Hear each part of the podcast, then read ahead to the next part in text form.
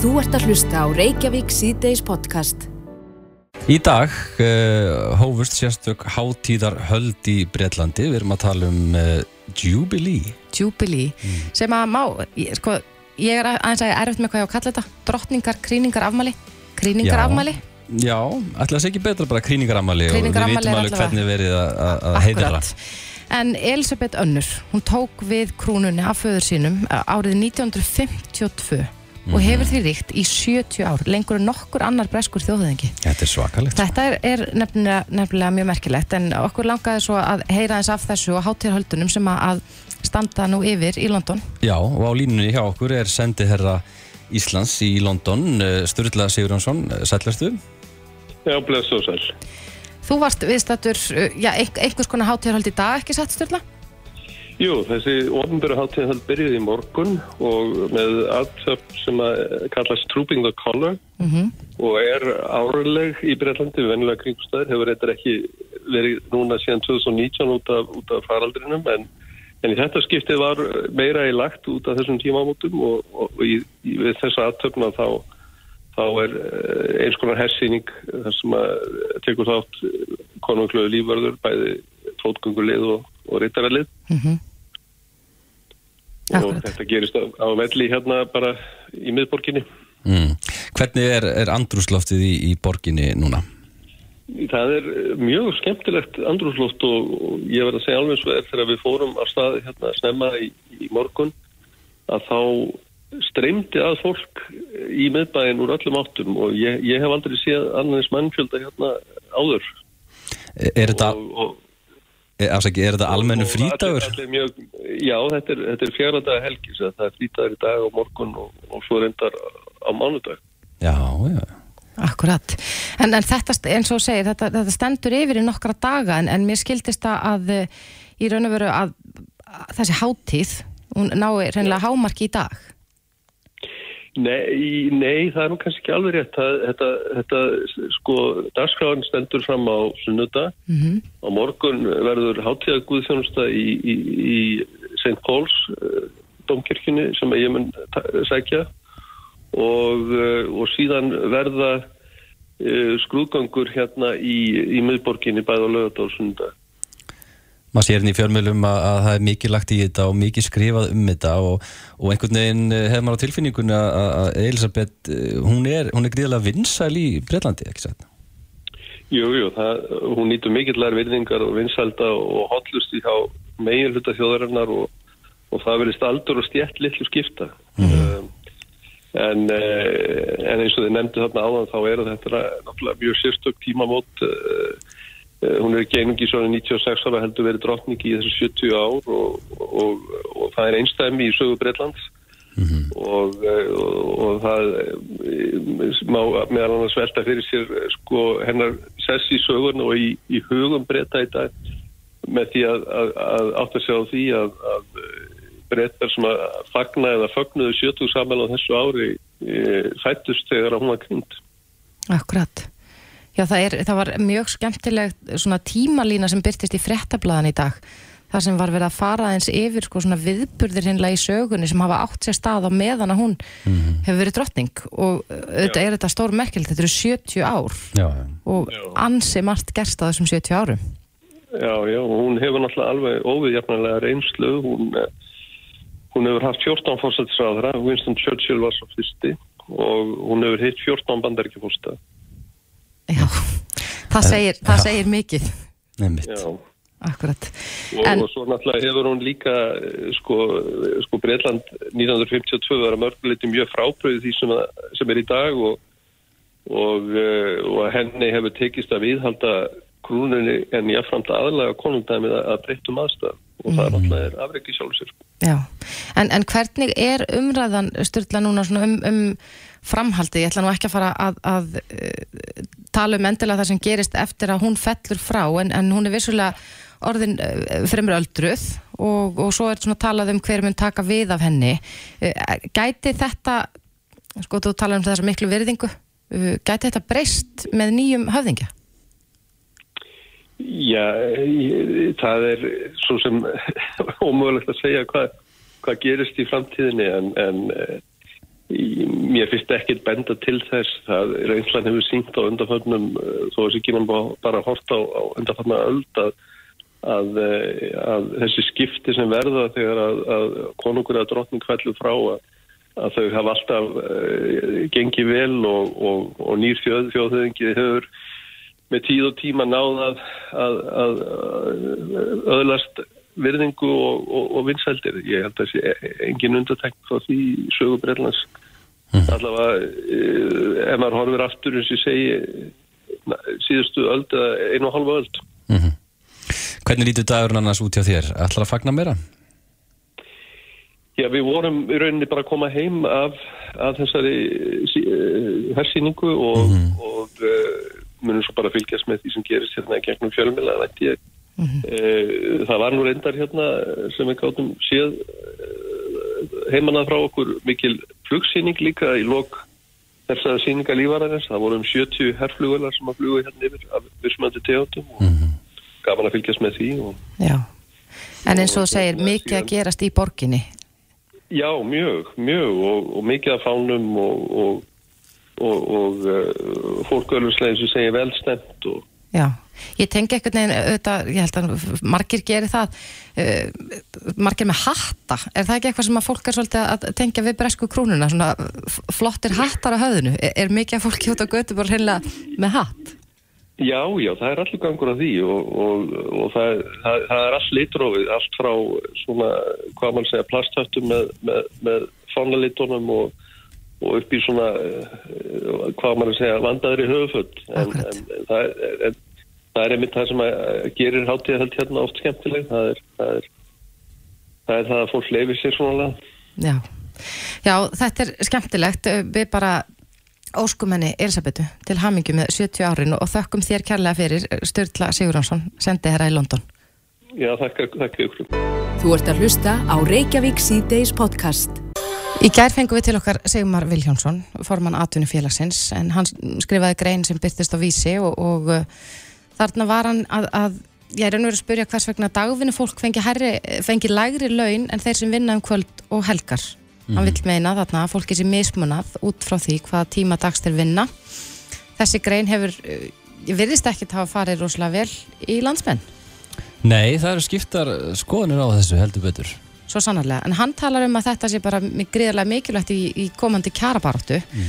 og hann skaut nú svo litið á, á Vaffer í gerð og talaði um að uh, Vaffer vildi ekki setja þessu samningaborðið við atvinnufélagið mm. þrátt fyrir að vera með sér kjarasamninga við hinn á þessa sem hann taldi upp. En hann er sestur í okkur í dag, Ragnar Þór Ingólfsson formaður Vaffer, kom til sæl Kom til sæl. Já, hvernig fer þessi hugmynd Sigmars í þig? Uh, hún fer í sjálfsvegar ekkert vel í gorki minni aðra í verkefælisreifingunni Eh, við höfum eh, náð því fram að, að þrengja dagvinnu tímabölunu síðustu ára tíu og okkar svona stefna hefur verið að reyna að stitta vinnuvökunna og svona þjappinu meira saman. Uh, uh, síðast er að til dæmis eins og hann er að leggja til að fólk hafi uh, val og, og þetta er eina gæsalappa val vegna þess að þetta mun reynast, þessi hugmynd mun reynast mörgum nöðval það þurfa kannski að stýra sínu vinnutíma með að taka uh, dagvinnuna á lögadegum eða yfirlega á næturnar. Uh, þetta er einfalla uh, mikil afturför í réttindum launafólks og, og bara verkefli sparóttunni ef að slíkar hugmyndir verða að veruleika sem ég að reynda enga líkur á að verði. Nei, hann sagði nú reyndar hérna í gæri hann, hann segum að hann væri alls ekki að tala um næturvinnu. Þetta væri spurningum um þá eftir klukkan 5 og fram á kvöldin og, og svo um helgar. Er eitthvað munur þar á? Já, í sjálfu sér sko þegar að e, samningar tókust um að e, lengja helgarnar, það er að segja að e, 1974 og það, í februar 1974 þá er saman um það að, að dagvinnan gildi ekki á lögadögum, þannig að lögadögunum verður hluti af helgi mm -hmm.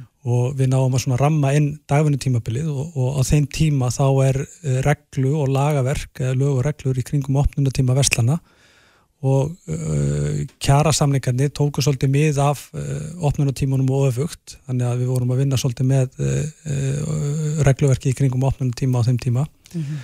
og síðan alltaf er, er opnunatími og einhverju tímapunkti gefum frjáls og við kannski þekkjum þá, þá sögu alla að nú eru vestlanir bara opnar allar sólarhingin eða því er að skipta.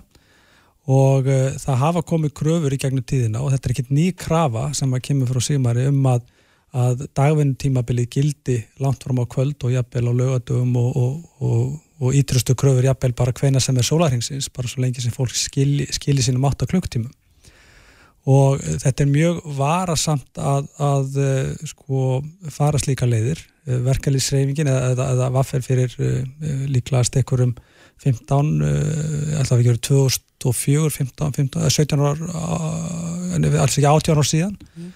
að þá var farið í að grúskaðins í þessu og það var búin til eftirvinna sem er að læra álag heldur en til dæmis næturvinnan.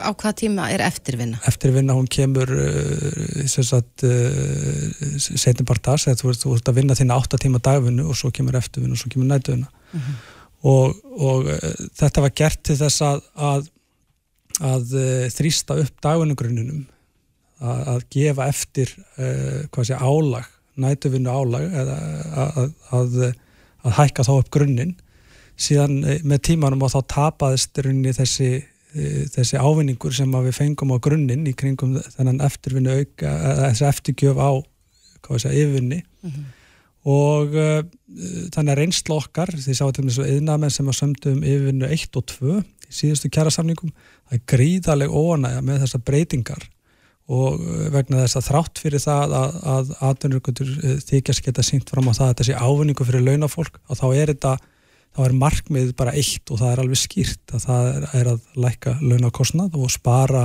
fyrirtækjunum launakostnað á þeim tímum sem að þau vilja starfa Mm -hmm. þannig að það eh, fer ekkert á milli mála og síðan er annað að, að við teljum að, og heldur bara allir landsmenn hljótinu að telja að þessi tími er mjög mikilvægur fyrir fjölskyldu og, og bara samveru, þessi frítími sem við áttum helgar og kvöldin.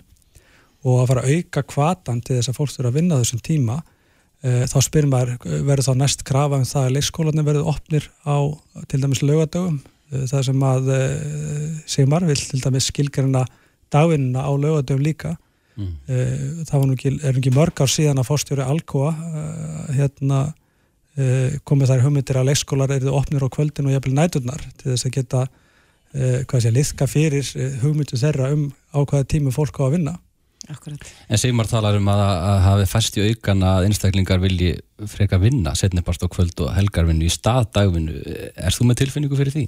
Já, við getum alveg þið getið alveg pröfað að senda út eh, könnun sem þið gerir alltaf reglu og aðtöða hvort það fór sér tilbúið til þess að vinna dagvinnuna sína á lögadögum eða sunnudögum eða, eða kvöldin og nætturnar mm.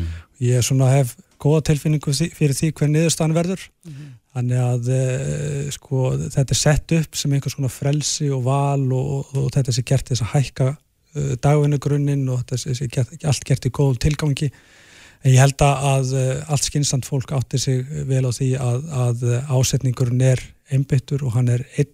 Það er að uh, sagt, ná niður launakostnaði sem að uh, bæði Sigmar og fleiri hans gera hafa lengi tala fyrir að sé að slega uh, veitingageran og, og þau fyrirtæki sem þau starfa inni. Mm. og þetta er ekki fyrsta skipti sem þessar hugmyndi koma fram og, og verður vantilega ekki það síðasta heldur. Nei, við, sko ég laði svona í lókviðtalsins í gerð þá rættum við hans um komandi kjara viðraður og hann talaði um að þið vildu ekki setjast við samningaborðið við atvinnufélagið. Að þið gerðu sér samninga meðal annars hann taldi upp eitthvað já, nokkra staði til dæmis verslunina, dressmann og fleira en að þið myndu ekki vilja tala við, við samtök eins og þeirra. Er eitthvað til í því? Ég, ég hef nú ekki neitað hann að fundi hinga til, við hefum sest niður hann hefur beðið um fundi og, hérna, og við hefum fundað og við hefum rætt saman og Og, eh, en okkar viðsemendur eru félag aðurreikanda og samtök aðurlýsins og um, uh, þetta, uh, þetta, þetta vinst þannig hjá okkur að við klárum okkar kröfugerð. Mm -hmm. og við erum núna á síðustu og loka metrunum að klára okkar kröfugerð, hún er tilbúin og við erum að klára þessa ferla sem við þurfum að fara innan bæði vaffer og síðan landsapas veslunumanna það sem að uh, þarf að afgreða kröfugerðnar og, og, og, og klára þær, það eru síðan kynnta formlega okkar viðsemyndum og þá getum við fara að setjast niður og ræða við uh, þá uh, þegar að Simar uh, talaði með þessum tíma þá vorum við ekki eins og byrjuð á gröfugjörðinni sjálfur en, en við náttúrulega tölum fyrst og okkar viðsemundur og það, það er náttúrulega okkar svona fyrsta markmiðan á samningum við þá Akkurat mm. En, en þetta er auðvitað frekar nýtt félag, atvinnufélagið. Býstu við þegar þeir muni bætast við ykkar viðsemjendur? Ég held að sé alveg degin og ljósara að, að, að stíga fram með þessa kröfur eh, sé ekki mikil, eh, mikil von á að hann ná árangur í því að fá verkefælisreifingun á borðinu. Nei. Það er sem ekki, ekki mjög líklegt ef ég var alveg hreinskilin. Nei. Ragnar Þór Ingolson, formar Vaffer. Takk kærlega fyrir komuna. Já, takk sem liðis. Þetta er Reykjavík C-Days podcast. Ég held að það sé nú, já, orðin frekar mörg skiptin sem að ég hef setið hér í, í þessu stúdíu og talað um mikilvægir næringar mm -hmm. við tölum oft um svona hérna heilugu þræningu næring, svepp og hreyfing Einmitt, til þess að halda helsu mm -hmm. en um, nú eru, er við að gera stóra rannsókn um, sem að heilbreyðsvistastofnun Háskóla Íslands er hlutaf og þar er við að tala um sko tengsl, mataræðis og andlegrar líðan Já, mood food Mood verkefnið. food verkefnið, akkurat. Hér segir inn á, inn á vef háskólans að þunglindi er ein helsta orsök örorku í Európu ég, Þetta vissi ég ekki fyrir en ég lasa þetta núna. Og uh, þar til nú hafa næringafræðingar haft takmarka getu til að veita ráðgjöf byggða á sko tröstum gögnum til að hjálpa fólki við að hlúa að gethelsu sinni. En niðurstöður úr þessu verkefni munu breyta því en eh, hún er sest hérna hjá okkur næringafræðingur um Berglind Sofja Blöndal þú kom til sæl Sæl og blessi. þú hefur rannsakað þetta mikið sko tengslina milli í raun og veru andlera líðan Já, og næringar já. Sko bæði í mistara rannsókninu minni og doktorsrannsókninu minni þar hérna eh, höfum við skoðað sem sagt hversu mikið aldraðar er að nærast, hvort það er næjalegt og svo andlega þætti í samspili við það. Og doktorsrannsóknin mín heitir Home Food en þetta er Mood Food sem er önnur rannsókn. Akkurat. En, en mín rannsókn sem sagt Home Food, þar e, veittu við sem sagt næringar ráðgjöf frá næringafræðing mér í fimm skipti og sem sagt gáum fólki sem, öldrum sem voru útskrifst heima landsbítalunum e, frýtt orku og prótenbætt fæði í halvt ár eftir útskrift til þess að svona reyna að sportna við, þú veist, fólk var að koma inn vannært, vannærðist áfram í legunni, yfirleitt vegna þess að það er bara mjög veikt og erfitt með að nærast, það er ofta erfitt þegar maður er mjög veikur. Svo var það útskrifa heim og heldur áfram að vannærast heima og hérna, við, okkur langaði svona að reyna að koma einhvern veginn í veg fyrir þetta og gerðum þetta svona og það sem kom út var bæði það að uh, minnhópur náði sagt að næra sig um þrísvarsinum fleiri kaloríur heldur en þeir sem að fengu bara vennilega útskrift og enga næringa meðferð og allt það. Um, og svo kom bara líka fram veist sem okkur var svolítið, þetta var svolítið óvænt bara að lífsgæðin voru miklu betri þunglindsengjani voru minni þau upplöðu sig gladari og líðu betur og það svona eh, er sam og er að koma núna í raun og verinu í, fram í þessari rannsók eh, mútfút að það er, skiptir meira máli að ná að uppfylla orkuþörfina heldur en endilega að spá mikið í sko hvað er eitthvað holdt eða óholdt og svoleiðis. Hva- hvað áttu við með því? Er þetta að segja sérst að það í raun og veru skiptir meira máli að, að þú borðir nægilega mikið að hita einhverjum yfir daginn til þess að viðhalda andleri helsu Já, heldur en endilega hvað þú ert að setja onni já. Jaha, þetta er áhugavert. Að þetta Já. er sem sagt alveg fyrsta sæti ætti að vera það að ná að uppfylla sem sagt orku þörf. Þá er í fyrsta sæti og svo er hægt að vinna í að tvíka alls konar. En fólk sem er í viðkvæmum hópum og á erfitt með að uppfylla orkuþörfina sína eins og aldraðir kannski eru með bara lélega matalist og hún minkar með árunum. Eða eru einmana eða bara alls konar, það getur verið alls konar ástæður fyrir því að fólk á erfitt með uppfylla orkuþörfina. Að e, hjá svoleiðis hópi er bara mikilvægast að passa upp á það, að fá fyrst og fremst nóg orku og nóg prótein. Ef þú færið ekki nóg prótein á efri árum það sem sagt er mjög aukin próteinþörf eftir 65 ára aldur. Hvað veldur því? Um, það er bara út að niðurbrot vöðva og annað slíkt sko og, og, og já, það er bara til að viðhalda vöðvamassa og viðhalda semst ónæmiskerfinu og, og svoleiðis Það þarf ekki tengsla milli þess að að borða óholt Nei. og að vera með þunglitsenginni Nei, og það er sama og kom hérna í mútfútrannsókninni að það var í rauninni sko e, skipti ekki miklu máli með óhallustu heldur að fólk setti inn góða hluti Já. mm. Veist, þannig í staðin fyrir og þetta er líka eitthvað sem ég hef haft uh, mikla tilfinningu fyrir bara mjög lengi að í rauninni eigum við ekki vera fókus er alltaf á og alltaf að vera svona setja suman mat alltaf undir einhver neikvæðan hatt sem sagt óhollur hollur.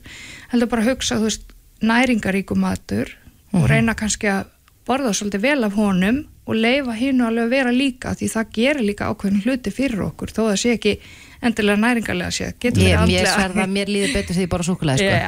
Hérna, það er alveg klart mál En svo er þetta líka ákveðin pæling að að þegar maður borðar eitthvað óholt Mhm. sem er virkilega óholt, einhver svona skyndibiti sem maður á ekki að vera að borða eitthvað Mhm. svona að, að þá líður manni allan um persónulega, líður mér verð En það er kannski bara Já, eitthvað það er andlegt? eiginlega bara andlit Er það Já. ekki bara út af því að þú ert bara búin að segja sjálfur þetta sé Ætli það vondur matur? Já, þú, og þú ert eiginlega að refsa? kannski matinn Mm. en eins og til dæmis bara hambúrgari ég menna þetta er bara brauð og kjöt og græmmiti þetta er ekki, Já. það er ekki mikið eitthvað sem er hræðilegt þarna sko.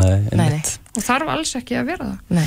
En hefur þetta verið mi- mikið rannsakað sko, tengsla, milli mataræðis og þunglindis? það er búið að vera eh, lengi að reyna að sína einhver svona, ég held að fókusun hefur bara alltaf verið svo mikill á veist, að reyna að sína fram á það ef þú borðar óhalda þá verður þunglindur en það er ekki búið að vera hægt að sína fram á það. Þannig að það er meiri líkur ef þú borðar of lítið Já. að þá upplifir þunglind senginni Akkurat, en það er bara eins og við sjáum að rannsóknum bara í gegnum árin á fólki sem hefur farið á kaloríu skert fæði og líka um, margar rannsóknum sem hafa gert á átröskunasjöklingum fólk sem er ekki að borða nóg að það uh, er bara í mikillri áhættu á að glíma við þunglindi og kvíða Já, Það er- og það hefur auðvitað verið mikið Já, ég En held að svona kaloríu intaka hefur alltaf verið á milli tannana á fólki og uh, ymsir kúrar snúast um, um það að- að borða sem fæstar hitaðningar Allir sem að kúrar eru eiginlega þannig að það snýst um það að þú borða minna en þú þart og allir kúrar hafa þessar afleðingar. mm.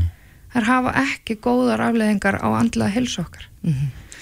Er einhver fæða sem, sem hefur vondrafleðinga fyrir okkur og andlega heilsu? Eitthvað, er sigurinn vestur? Nei, Nei, ég myndi frekar segja að einhæft fæði er Já. það sem hefur vestar afleðingar. Að því þá fær maður, þú nærið ekki uppfylla vítamin og steinefna þörf líkamanns ef þú borðar bara alltaf sama. mm skiljið, það er miklu betra að vera með fjölbreytileikan, þess vegna er kannski oft næringafræðingar er ekki eins spennandi og kúrar að því við erum oft bara svona borðaður öllum fæðiflokkum, ekki Mhm. útiloka neitt, bættu frekar inn góðum hlutum.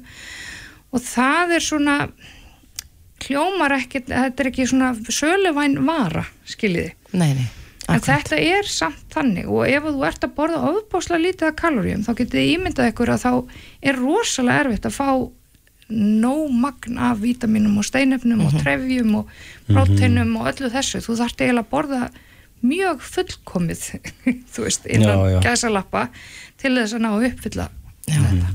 En, en þú rannsakar þarna eldri aldurshóp, Mhm. eldra fólk getur maður yfirfært þína niðurstöður á aðra aldurshópa, til dæmis ef við hugsaum núna er ég, nú erum við fóreldrar og, og uh, maður hugsa um börni sín, þannig að. Já. kannski skiptir mestu máli að, að þó að slæðist inn ein serjóskál við og við að svo lengi sem að barni fær fjölbreytta fæðu og Já. nægilegt magna af mat að þá Já.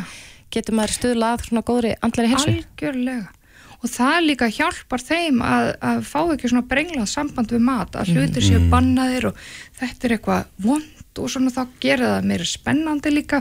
Þá fyrir það jafnvel að fela það. Þetta er allt getur leitt til ádraskana sem er ekki góður sjúkdómur að hafa. Nei.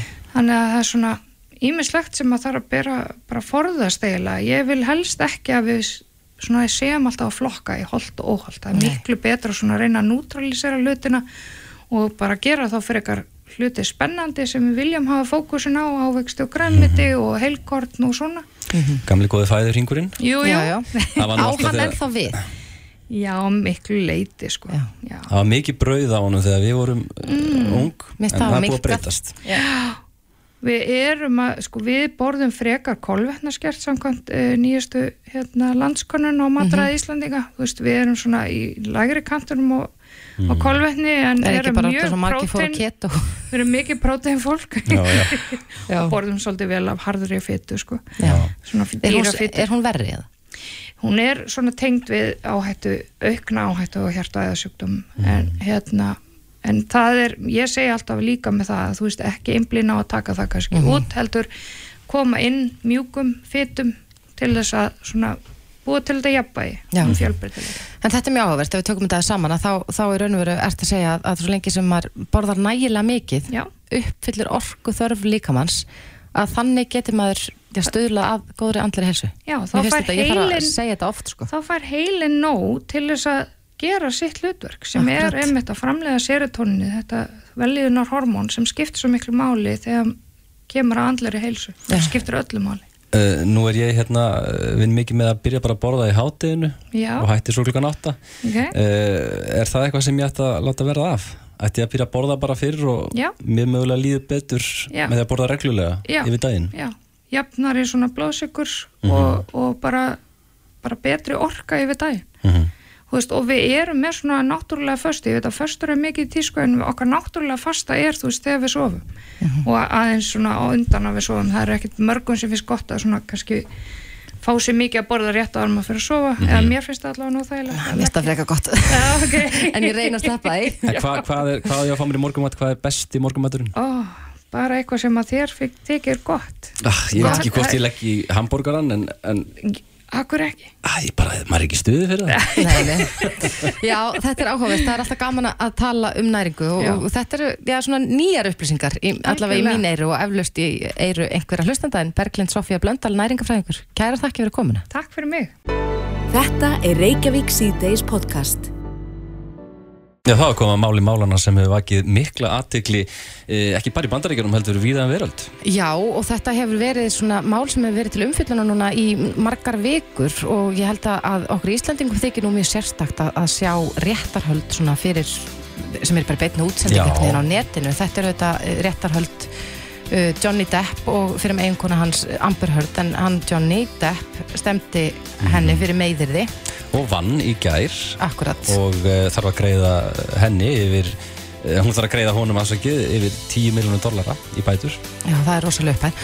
Og, og þetta hefur auðvitað vakið upp margar svona, svona samfélagslega spurningar sem að, að maður velti fyrir sér. Þa- þetta er í raun og veru vegna þess að hún skrifar grein í Washington Post árið 2018 þar sem hún talar um eh, heimilisofbeldi, hún nafngreinir engan í þessari grein en núna er hún dæmt seg fyrir meðirði í garð uh, Depp. Og, og uh, já, maður velti svona fyrir sér hver, hvert umræðan mun fara eftir þetta og hvernig umræðan hefur verið hún hefur verið mjög mikið gaggrind í til dæmis á samfélagsmiðlum Já, það hefur verið já. svakalegt að fylgjast með því hvernig hún hefur hreinlega verið tekin fyrir Já, hún hefur gjössalega fengið útreið þar. já, algjörlega, hún er sest hjá okkur doktor Marja Rún Bjarnadóttir lögfræðingur, komdu sæl Komdu sæl. já, Marja, þú, þú þekkir nú mjög margt tengt þessum heimi og hefur, hefur stundar rannsóknum á þessu sviði um, þetta eru þetta réttarhald sem eiga sér stað í bandaríkunum er, er eitthvað hægt að heimfara þetta yfir á Íslands réttarkerfi þar sem er í gangi í þessu máli? Ekki endilega sko myndi ég segja það. Það eru auðvitað svona ákveðnar aðstæður sem að eru í, í því hvernig mál er tekin fyrir í bandarísku réttakerfi til dæmis kviðdómurinn sem að hérna, tekur ákveðna, við erum þetta ekki með kviðdóm á Íslandi eh, en við erum með þetta með meðramál sem eru sprottin úr mítjóbildingunni þannig að, hérna, hérna á Íslandi þannig að þvíleitinu kannski er þetta, er þetta sambarilegt en, en ég held nú hins vegar að sko niðurstaðan hefði nú orðið eitthvað önnur ef að, ef að þetta mál hefði verið til umfyllunar hjá íslenskum domstólum. Þetta er náttúrulega engamál, ekki satt. Eh, Það er rosalega mikið í beinni útsendingu. Er það alveg eðlilegt? Sko, þetta er auðvitað svona eh, áskorun sem að domstólar auðvitað standa svolítið frammi fyrir núna með hérna allir í tæknivæðingunni e, auðvitað á að há domþing í heyrandaljóði e, og hvað er það? Er það, þú veist, að fólk geti komið á staðin, er það þessi beinu útsending á netinu eða, eða hvað það er? Um, til dæmis ef þetta verið í Breitlandi að þá væru alla líkur á því að, að hérna dóm, eða sem sagt kviðdómendunir, að þeir væri settir í sko svona eins konar fjölmjöla bann, þannig að þeir geta ekki verið að fylgjast með því sem er í gangi í fjölmjölunum. Það er ekki bandaríkunum. Nei, Allavega að- ekki, það er allavega ekki ákveðið þessu máli. Þannig að, þannig að sko kviðdómyndunir eru líka að, að í raun og veru lesa allar þessar fréttir og hlusta á þessar samfélagsmiðla og, og podcastin og maður veit ekki hvað og hvað sem er að greina alls konar hluti á missterkum fossundum svo ég segi nú ekki meir. Já, þannig að, að í raun og veru gætu kviðdómyndunir sko tekið ákvörðun í málunum um, um sekt eða síknu hennar jafnvel bara út frá því sem það sjá á TikTok. Sko ég vona ekki. En, en það er auðvitað sko maður veit auðvitað aldrei hvað það er nákvæmlega sem að ræður einhverju niðurstöðu sko. En við sjáum það til dæmis að, að í kringum þetta mál hefur sprottið bara heilt hagkerfi. Það eru sko áhrifavaldar, það eru podcastættir það eru lögmenn sem er að gera út á að gera alls konar svona þætti um þetta. Það eru hérna það er bara svona heilt hagkerfi og hérna bara hérna depp hörd hagkerfið og sem að ég heyrði frétt í gær sko þar sem að þetta var metið á sko fleiri hundruð miljón dollara bara í raun og veru öll, öll þessi svona menningar ja, menningar eða, ekki, eða ómenningar, Ómenningar. afurður sem er að verða til í kringum, í kringum málið. Þannig að sko það eru svona alls konar hagsmunir sem eru þarna undir sem að maður vill ekki endilega sjá sko í tengslum við, við rekstu dómsmála En þetta, eh, þú talar um MeToo-byltinguna sem hefur auðvitað verið í, í, núna í gangi í nokkur ár. Myndur þú segja að þetta væri skref aftur á baki í, í þeirri byltingu? sko ég hef pínuleglar ágjur af því að þrátt fyrir að auðvitað myndi sko lagalega hefur þessi niðurstöðu þetta engin áhrif hérna á Íslandi þetta eru auðvitað bara engamál sem er í, í, í annar lögsögu og, og í allt öðru þessu lagakerfi um, og auðvitað allt önnu lögjöf en ég hef smá ágjur að þetta geti kannski svona haft eitthvað svona menningarlega eða samfélagslega áhrif sem að gera það að verkum að þólendur um, stýji síður fram til þess að tala um um sína upplöfun eða sína sögu. Og það held ég að sé ágefni vegna þess að ég held að hafi skipt gríðarlega miklu máli e, þessar e, hérna allar þessar MeToo sögur fyrir okkur bara sem samfélag til þess að ég raun og veru þróast áfram sko. Um, ég held að það er kannski það sem ég myndi að hafa mestar áhyggjur af og svo hérna eru þetta líka ákveðna svona ákveðna svona kenningar um það að hluti af þessari herrferð sem að hérna bara þetta er talað um bara sem svona róksherrferð í raun og veru gegn henni á, á netinu hafi tengst einhverjum svona samtökum sem að eru kannski já, ekki upptekin af jafnbrytti kynjana eða svona liðræðslegum mm. grundvallarreglum. Eh, en það er ekkert hérna, eh, veist, það er ekkert það hefur ekki verið sannað samt sko.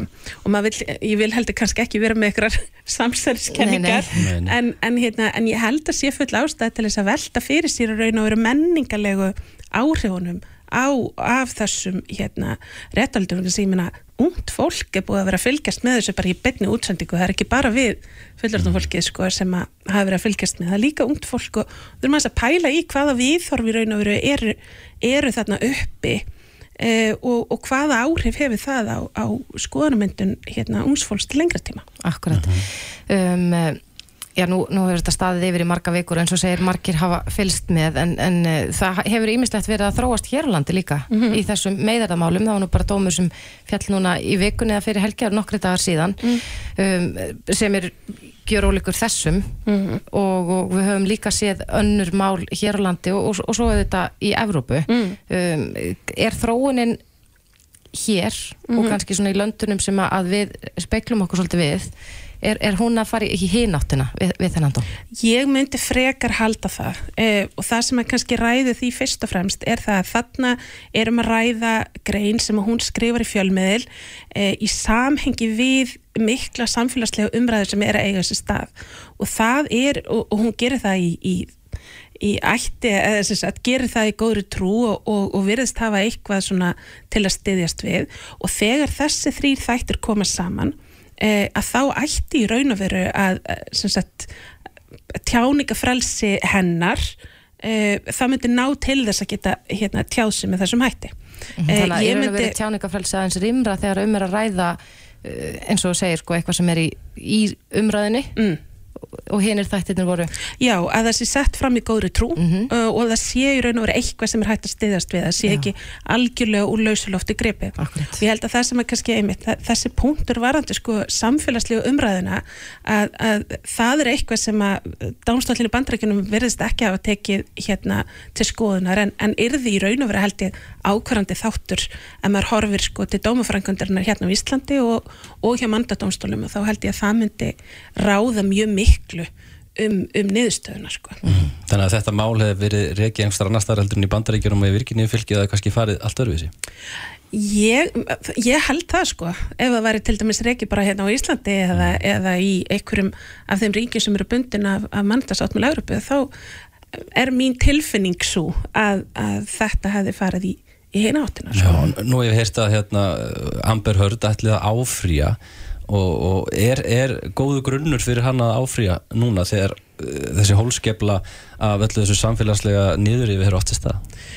Sko ég held að það sem að kannski við sjáum í þessu máli eru hérna svona, er að byrtast ákveðinu svona veikleikar í því að, að standa í málarækstur fyrir domstólum í kerfi þar sem að kviðdómur hefur svona mikið að segja þegar aðgengi upplýsingum er eins og það er hérna í núttímanum þannig að ég eh, bara, ég myndi ekki þóra að, að spá um það sko.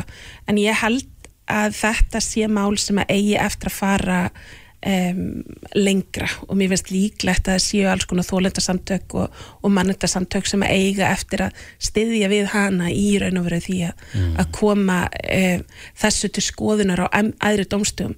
Vegna þess að, að ef maður horfi bara alveg blákalt á þetta frá bandarísku sjónarhóttni að þá er þessi niðurstaða og hún er mjög letjandi fyrir þólendur ábeldis til þess að, að, hérna, að tjá sig um upplifunir sínar og ég er ekki vissum að það sé svona í stærri myndinni endilega heppilegt fyrir, fyrir bandari samfélag. Nei, en við höfum auðvitað líka séð það til dæmis bara í tölum hér á Íslandi hversu mikið heimilisofbildi hefur aukist og, og tölum mikið um það hér í heimsfaraldrinum hvernig uh, þetta jógst og, og það á eflust við einni í bandarækjunum og annars þar í heiminum. Um, þannig að þetta lítur að vera svo litið áhyggjöfni þegar svona mál fær líka þessa gríðarlega miklu umfyllum sem það fengið.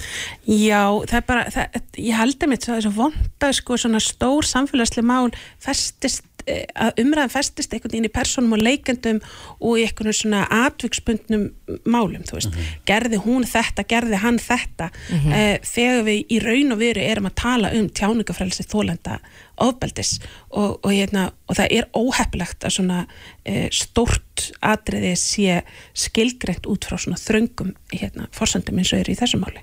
Akkurat. Já, þetta er áhugavert og, og það verður áhugavert að fylgjast áfram með þróunni í þessum efnum en doktor Marja Rún Bjarnadóttir, lögfræðingur, kæra þakki fyrir komuna. Takk fyrir.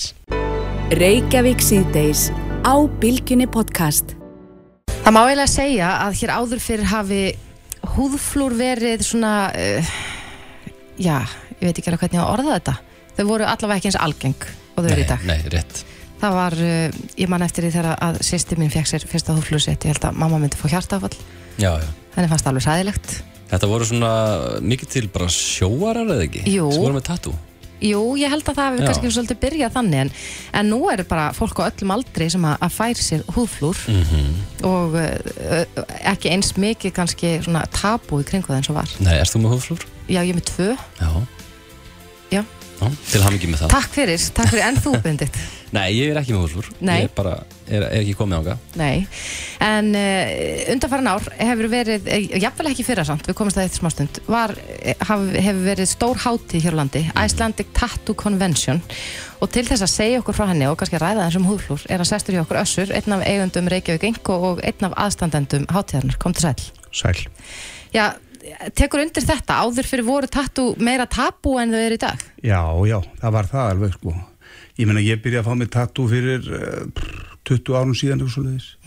og þá var þetta svona ekki eins mikið byrjað og svona þetta voru mótujólamenn og, og, hérna, Sjóarar. og sjóarar sem voru mjög skáulegar þegar þeir fengu sér flúrin og, og, og eitthvað svona sko en svo í dag er þetta orðið bara þú veist ég meina það er lögreglustjórinn Reykjavík er með húðflúr sko ríkislögreglustjórinn þannig að þú veist það er allir og þetta er eiginlega orðið þannig sko ef þú ferð í sund að, að þá eru eiginlega færri með ekki með flúr heldur sem eru með flúr sko. Ná, Þannig að ég er í, minni hluta. þú ert minnilutahóp Já. þú getur til eitt minnilutahóp sko. Já, ég sé einmitt, þú ert með rosalega mörg tattoo. Ertu með tölu á, á fjöldanum? eitt Þetta er Þetta bara er bara eitt. eitt stórt ég er verk. með flúr bara frá bara, bara frá kvirlu upp í ilja sko. ég, eina sem ég á eftir er þetta hérna og, og inn í lóðunum sko. Já, og að stefnir þangað?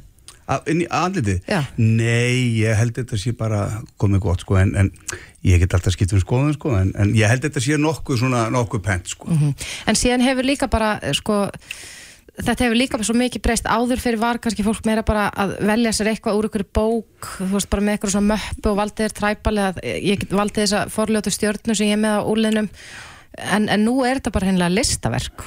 Já, þetta er orðið, orðið bara, fólk er bara, sem er komið sem myndir aðrið fá sér húðflúr og svona sko. Ástæðunar, þú veist, menn voru kannski í gamla daga eins og sjóarnir þá voru þeir að fá sér stjör, ákveðna stjörnur eða fuggl og svölur voru fyrir ákveð, hvoru konum margar hafnir eða margar, margar heimsálfur og eitthvað svona. Í dag, þú veist, er kannski fólk að fá sér uh, minningaflúr eða fyrir börnin sín eða, eða hérna eitthvað svona. En fólk er bara, og líka flúrin sko. Þú veist, ég, ég ég var komið hérna upp í háls og svona fyrir einhverjum 15-16 árum síðan það voru ekkert, það var svona einn og einn með kannski háls og kannski eina hendin eða eitthvað svona sko.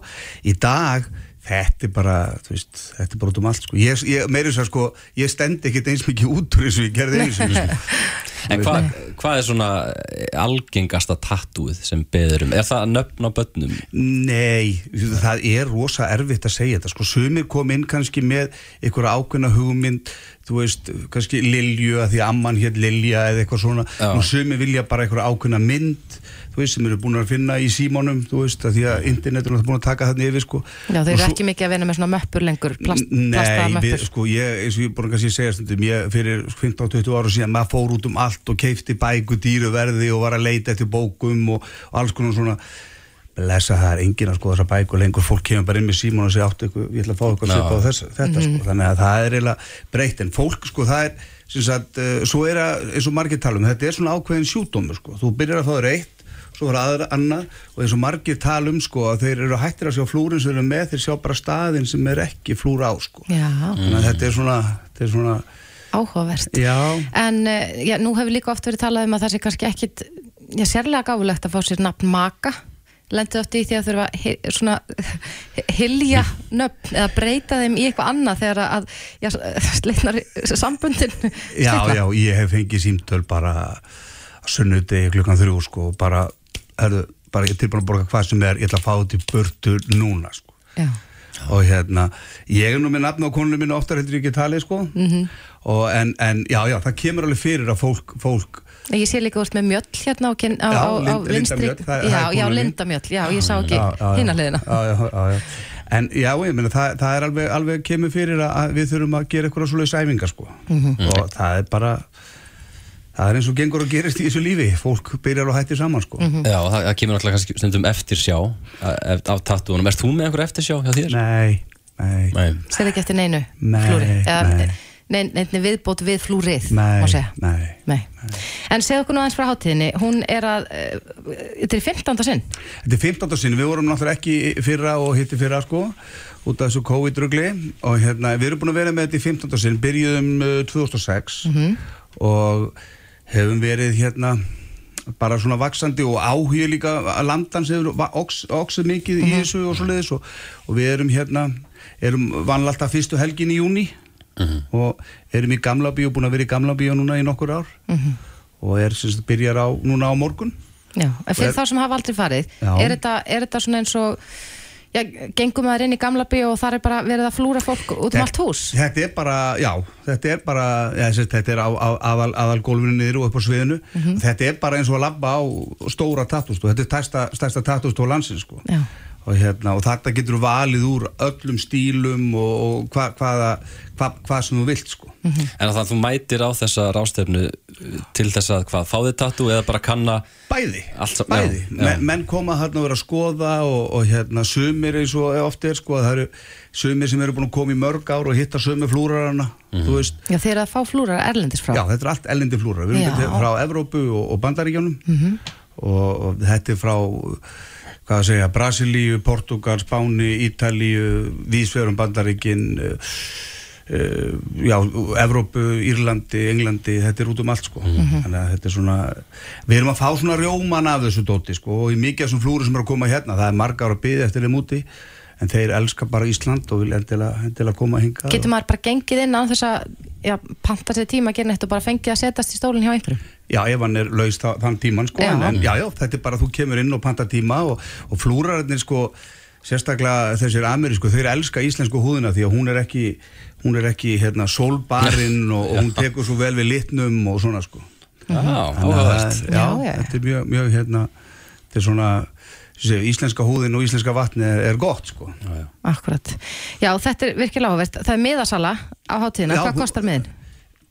Veistu það, ég bara, skal við ekki, ég veit það ekki. Það kostar eitthvað. Já, það er Eitthvað hægt að fá smotterí. dagpassa og, og helgapassa á þetta Já. og hérna og það er bara miðasalaf inganginn og, og allir velkonir og, og um að gera bara að koma það er, eins og segja, er mikið líf hérna og mjög skemmtilegt og þetta er svona mikil upplifun að koma Já, ég veist ég bara að fá mig tattu eftir þetta viðtal. Já, það það ekki. Er, ekki- erum við ekki bara að selja þér hugmyndina? Bara klálega, kannski er- ekki eins mikið og hann er með, en svona byrjum allavega einu.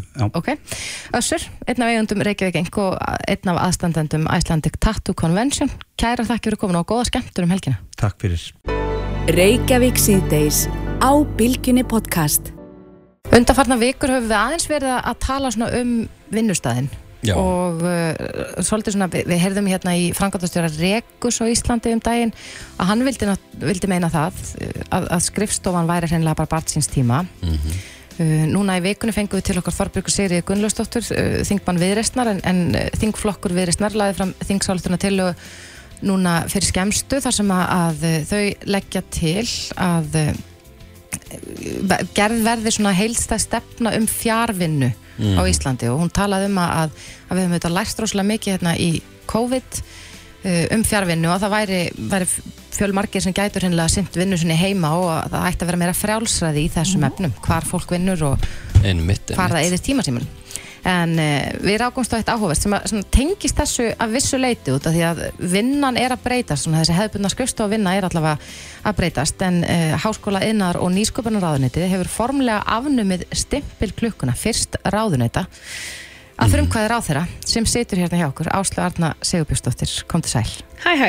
Er þetta, er þetta, sko, ég, þegar ég heyri stimpilklukka, þá bara sé ég fyrir mér þetta gamla góða apparat. Er það þá til eða? Já, það er ennþá til og er mjög viða Já. og er í ráðuneytunum og stimplaði en þú mætir og stimplaði út þú ferð. og við erum ekki að tala bara um eitthvað svona, eitthvað svona tölvukerfi hér á þessum vinnustæðum með eitthvað sem heitir tímon sem heldur utan um svo er það þetta er ekki svona alveg fysiskt þar sem þú Það var fysiskt allavega í, í dómsmálaráðundinu þar sem ég var og hérna um, og ég hef bara lagt mikið upp úr því með þessu nýja ráðuneyti að ég var líka fyrst uh, ráðuneytið stopnuna sem segir að öll störf verðu auglýst og óháð staðsetningu. Þú getur syndið manna og það er einmitt í þess takti við það sem þú ert að segja. Við erum bara að ræða svolítið eftir COVID meira um vinnumenningu og nýjar kynnslóðu gera líka öðruvísi kröfur á uh, störf snýst ekki allt um titla eða stöður heldur líka bara sveigjanleika, menningu og svo framvegs og í því og í þessu eru þetta greiðlega mikið tækifæri og heimurinn er einhvern veginn undir um samkeppni við starfs, um starfsfólk og við erum að reyna að laða hingað að fólk og, og fá besta fólki og þá þurfum við líka svolítið að svara því hvernig vinnustæði við ætlum að hafa og, og í svona nýju ráðniti þá langaði mig að stíga svona mikilvæg skref. En það er líka hægt af því ég er búin að vera að vinna því að mæla getu og, og, og skil starfsmanna með öðrum hætti. um, eh, hvað þýðir þetta núna fyrir ykkur? Fólk mætir bara vinnuna og, vinnur vinnuna sína og fer heim þegar að Því já, hendar. því, því hendar, ég finn þetta hljómar samt svolítið eins og, eins og við séum að alveg ykkur svona letikynslu og margir gætu litið á það þannig Já. en hins vegar þá ertu, ertu í raun og veru frekar að horfa á afkostin heldur en, en unnar stundir Já, það lítur að vera það sem yfirmenn vilja gera, að fá afkvöst frekar en það að þú situr í stólnum þínum á ákveðnum klukkutím. Sum hendar það mjög vel að taka tvo tíma áður en börnin vakna, sumum tvo tíma eftir að börnin sopna, frekar en að sitja akkurat í átta tíma á hefðbundu skrifstofunni sinni. Og við sjáum, og, og í þessu er þá bara meiri sveginleiki, en líka því við erum búin að koma upp nýju vinnu fyrirkomulagi sem er með þeim hætti að þú vinnur í sprettum í verkefnum, þú stendur skila verkefnunum þínum sem eru mjög skýr það er gagsægi um þau, uh, það skýr forgangsröðun og þá auðvitað bara uh, er það sjálfsagt að starfsmenn svona fáið þennan aukna sveigjanleika að mínum mati og það var ný könnun sem var verið að byrta í Wall Street Journal held ég um, þar sem voru 10.000 mann spurðir sem vinn í svona þekkingageranum og það 95% af þeim sagði um mest áhersla þeirra væri á sveigjanlegan vinnutíma og 78% af þeim sagði um, svona sveigjanleika í staðsetningu Já. Hvernig er það með þig, með ráðherran? Hvernig, hérna, hvernig vinnur þú? Erst þú mjög mikið allstaðar? Já, við eigum auðvitað okkar skrifstofur, ég er endar á skrifstofu og, og, og, og hérna, skrítin ráð þegar ég er á skrifstofu með aðstofamönnum mín núna, þannig að við erum þrjú svona í opnara rými. Ja, stemning. Um, en þú ert svo mikið á ferð og flugi. Og þú ert veginn að vinna allan daginn og þú ert að fara í viðtöl og fundi út um allt og heimsóknir og þannig að þú ert auðvitað mikið á ferðalagi. Uh, þú situr ekki mikið þannig inn á skrifstofunni þinni. Nei, nei. Um, en við auðvitað líka ferðum mikið og erum að heimsækja stofnanir okkar við um landið og annað og, og ég einhvern veginn er alltaf með vinnuna með mér á bara löpunum sko, ég er bara að opna tölvuna í bílnum og, og þú veist, og nýti tíman og, og við einhvern veginn, mér finnst við bara vera að gera algjörlega nýjar kröfur.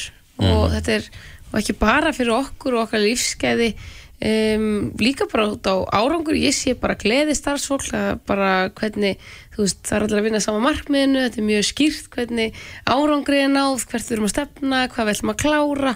Um, og það eru þetta hérna áskorun allra yfirmanna að fólk vilja mæti vinnuna og vera þar og sinna hérna vinnunni vel. Um, en auðvitað spyrja einhver sig býtu er nú verið að afnema stempur klukkuna? Hvað hva með okkur sem þurfum bara að mæla hérna í tímum, veist, hvað, þetta henda kannski ekki döllum. Stempur klukkan mun örgulega henda einhverjum áfram. Munu einhverjir áfram mega stimpla sinn? Já, það má í ráðunitinu það má í þú vilt hérna, haldi í það. Um, og auðvitað er einhverjir atvinnureikundur þann úti sem kannski finnst þetta um, svona eitthvað svona eitthvað vera eitthvað sæni vitlis átt eða ranga átt. En við meðum ekki heldur gleyma að þetta snýst líka um umhverfismáli Já. og ferðalög og við sjáum það bara að losun stjórnaráðsins að hvað var ekki 70% af henni eru ferðalög erlendis og ef við erum að læra eitthvað af COVID þá er það að bjóða upp á aukin sveigjanleika um, í hvar og hvenar við vinnum og að fækka ferðum og fundi í útlöndum. En eitt af því sem að, eh, já, þú fegst mikið lof fyrir í dómsmálaræðindinu voru ímið svona verkefni sem sneru að kannski að auðvelda fólki lífið, stafranu aukurskirtinin og, og fleira í þeimtur og nú bara á dögunum var verið að uh, kynna hérna könnun sem var gerð uh, til þess að mæla sko ánægu með ofnbæra þjónustu og þar kemur meðal annars fram að flestir vilja geta nýtt þjónustu með sjálfsafgreyslu til dæmis á eh, VF hinn á þessa þarna ráðnita um, er þetta eitthvað sem að ratar hann á þitt borð núna?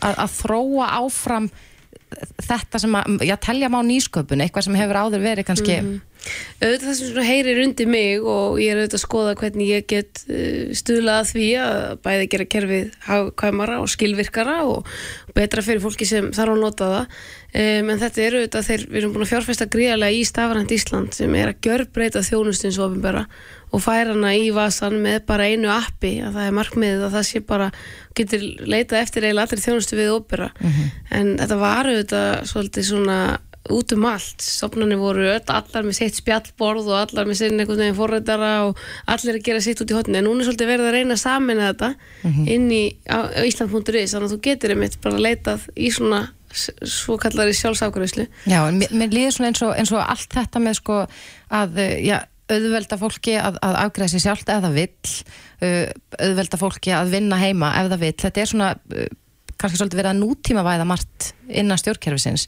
Heldur þú að fleiri ráðherrar muni stíga þetta skref sem þú varst að stíga með stimpilklukuna til dæmis?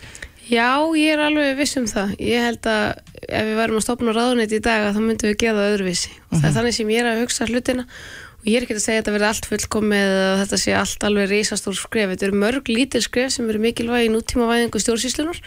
Ekki síst bara til að reka hana betur en líka til að ná meiri árangri með forgangsverkefni og ég held að og vona það að fleiri fylgi í, kjörtum, í kjörfarið um, af því að ég held að þetta, þetta snúist eins og margt en eins og þú segir þá er nútíma væðingin bara að hugsa hvernig þetta er gert núna. Og það er þannig sem ég vil alltaf hugsa. Og það er kannski þess vegna gott að fá aðeins yngra fólk inn í öll kerfi.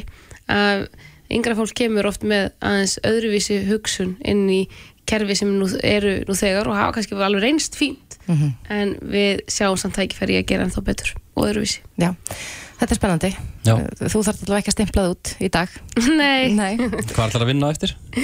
Herðu, ég þarf að fara í grósku, þar er vinnustæður minn á eftir og svo þarf ég að fara upp í ráðnetu og svo þarf ég að fara í valhöll, þannig að það eru þrýr vinnustæður í dag. Tölvan með Tölva með. Ásla Arna Sigurbjörnsdóttir, nýsköpunar áþara. Þakki fyrir komuna. Takk fyrir. Hlustaðu hvena sem er á Reykjavík C-Days podcast.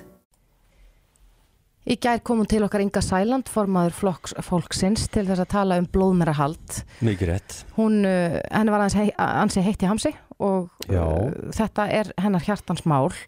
Þetta er hittamálið í þjóðfélaginu. Já, mjög mikið. Þetta hefur, sko, þetta eru mjög, mjög skiptar skoðanir á þessu. Um, margir hverju þetta hafa ekki, kannski þá vísendalegu þekkingu eða mikla þekkingu á málefnu til þess að geta almennilega mynda sér skoðun en, en, en það eru allskinn sjónar með á lofti hvað þetta varðar. En það bárastu auðvitað fréttir að því gæra starfshópur matvælar á þar hefur skilað af sér áliti um starfsemi við blóðtökur histna blóðmerahald verður áfram leift en, en þó mun uh, Svandi Sváastóttir ráð þeirra setja reglugerð um starfsemina sem gildir til næstu þryggja ára En uh, við fengum fréttir af því um daginn að uh, nýstopnuð samtökum dýravelferð á Íslandi sem voru stopnuð núna í februar á þessu ári þau uh, kærðu matvælastofnun til matvælaráðunætisins uh, vegna þess að, að ekki var krafist leifis til blóðmera yðnaðar og ég til þess að ég raun og veru ræða þetta við okkur og kannski útskýra aðeins fre, frekar um hvað kæran snýst er á línunni hjá okkur. Björn M. Sigurjónsson, lektor og stjórnar meðlumur í samtökum um dýra velferð á Íslandi. Kom til sæl Björn. Já, blessa og sæl. Já, segðu okkur nú aðeins frá því Björn um hvað snýst kæra ykkar?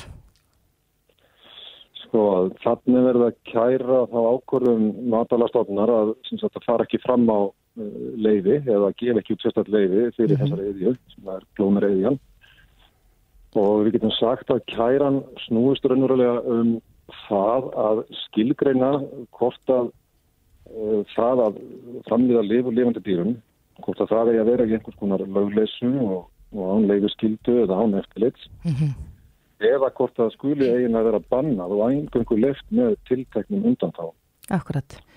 En hefur þú kynntir, skýrsluna sem að starfshópurinn byrt í gerð? Þar að þetta kemur meðal annars fram að að starfseminn skuli vera leifiskild er, er verið að, að, að er, er þetta mikil réttar bót þessi reglugerð?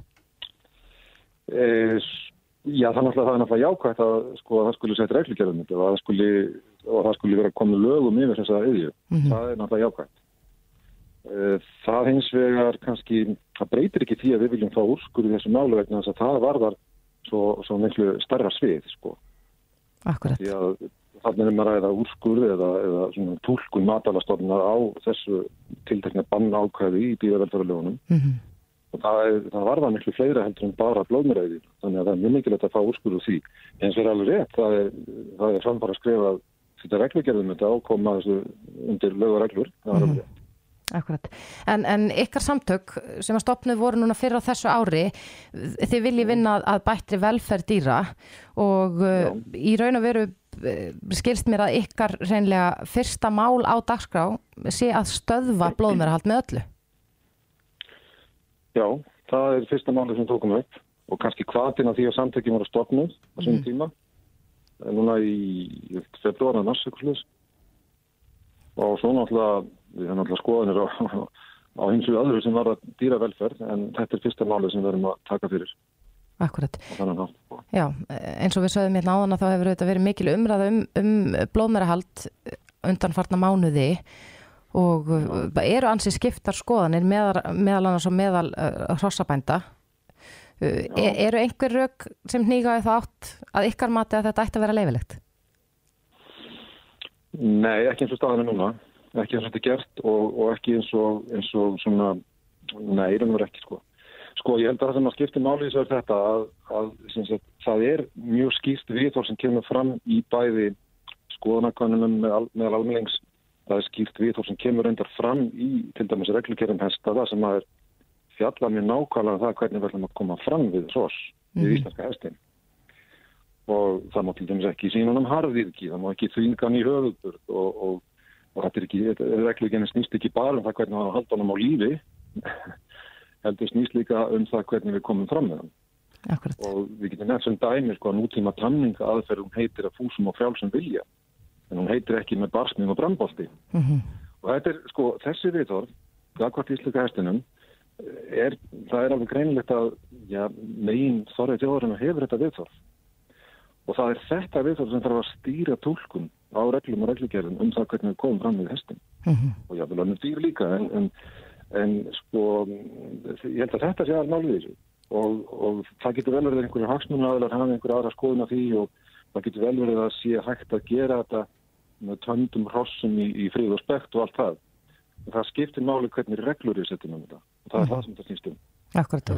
Þannig að þið, þið uh, viljið fá úrskurð í ykkar máli. Uh, Væri, er þið það þá fordæmis gefandi fyrir, fyrir uh, framhaldið?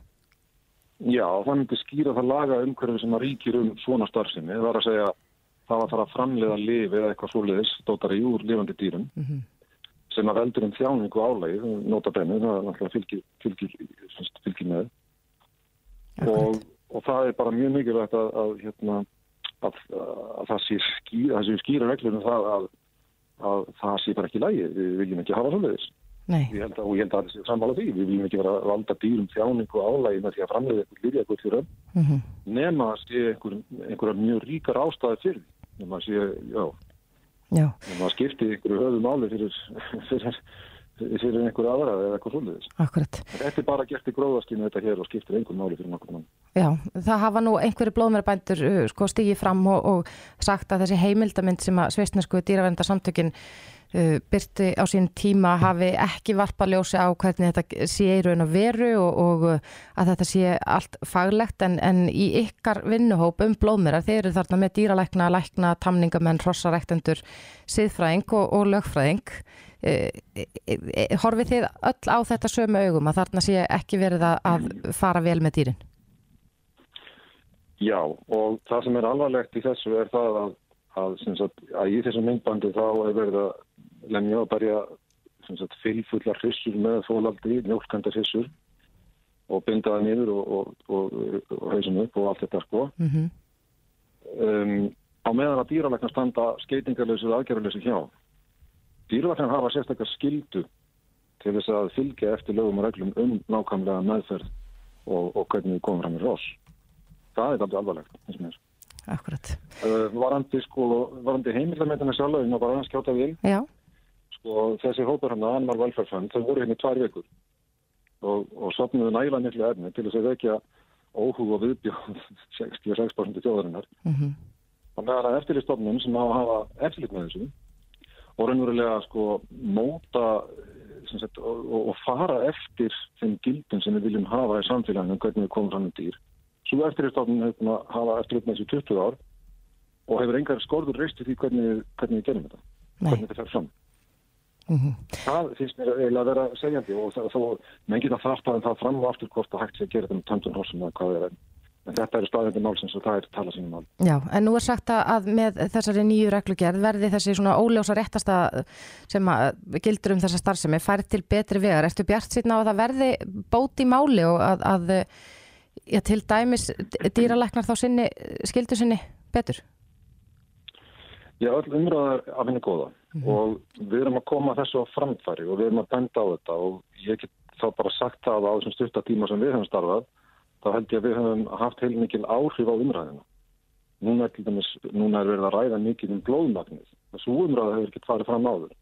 Það er að ræða um lagaumhverju. Ég held að þessu umræða hefur ekki farið fram áður. Það er að ræða almennt um hugtækið dýra velferð. Mhm. Hvað felst í því? Hvað er í lægi að gera við dýr? Sem siðferðilega spurningu. Og ég er ekki beðsum að þessi umræðan hafa farið fram af svona miklum krafti áður. Svo að allt þetta bóta. Mhm. Já, uh, það verður áhugavert að fylgjast áfram með þessu og, og nú verður eflaust líka tekist á um þetta inn á þingi.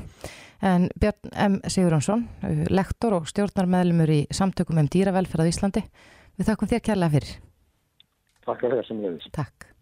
Jæja, nú er komið að því að við skiptum yfir á fréttastofuna okkar og uh, við minnum að það að öll viðtölin eru komin inn á vísi.is og í Bilgju appið.